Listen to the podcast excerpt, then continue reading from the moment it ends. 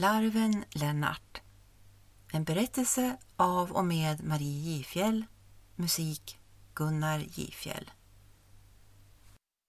Det var en gång en liten larv som var så busig. Han bara älskade att hitta på bus. Saker gick sönder och han lyckades nästan alltid att göra sig illa på något. Han kunde liksom inte låta bli. Hans mamma och pappa och syskon suckade och stönade för det mesta åt hans framfart. Han brukar gömma sig och skrämmas eller kittla sina småsyskon. De tyckte det var roligt i början, men när Lennart inte kunde stoppa så brukade det sluta med att syskonen skrek och grinade. Och Lennart fick förstås skäll. Även när han var oskyldig. Han var så van vid det.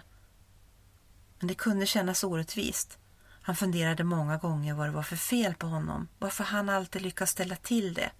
Hans syskon gjorde ju inte så. Det var inte lätt det här. En dag tänkte han att det är lika bra att jag går iväg. Det blir nog skönast för familjen. Då finns det ingen att reta upp sig på. Så han packade en ryggsäck och började gå hemifrån.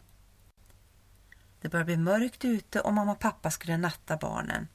Men de kunde inte hitta Lennart. Vart var han? Han brukar ju alltid dyka upp.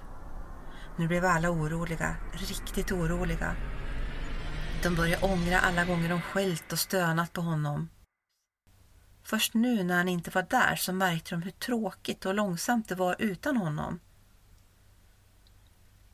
Mamma och pappa gick ut och letade och till slut hittade de honom.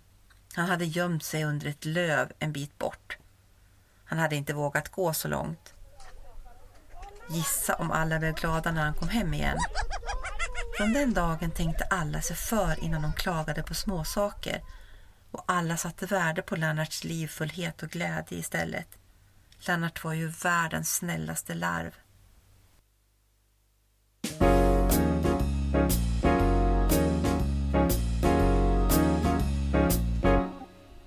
Börja om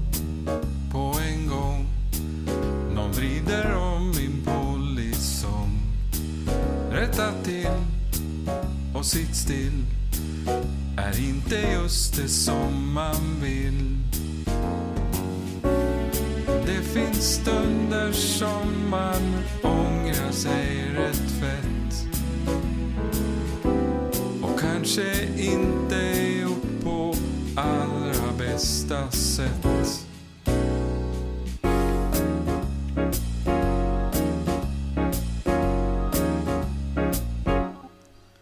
Börja om är på språng. Det är nåt håll igång på gång. Hänger på fast ändå. Ingen riktigt kan förstå. Borde kanske göra nåt som leder någonstans. Kan sitta fast i något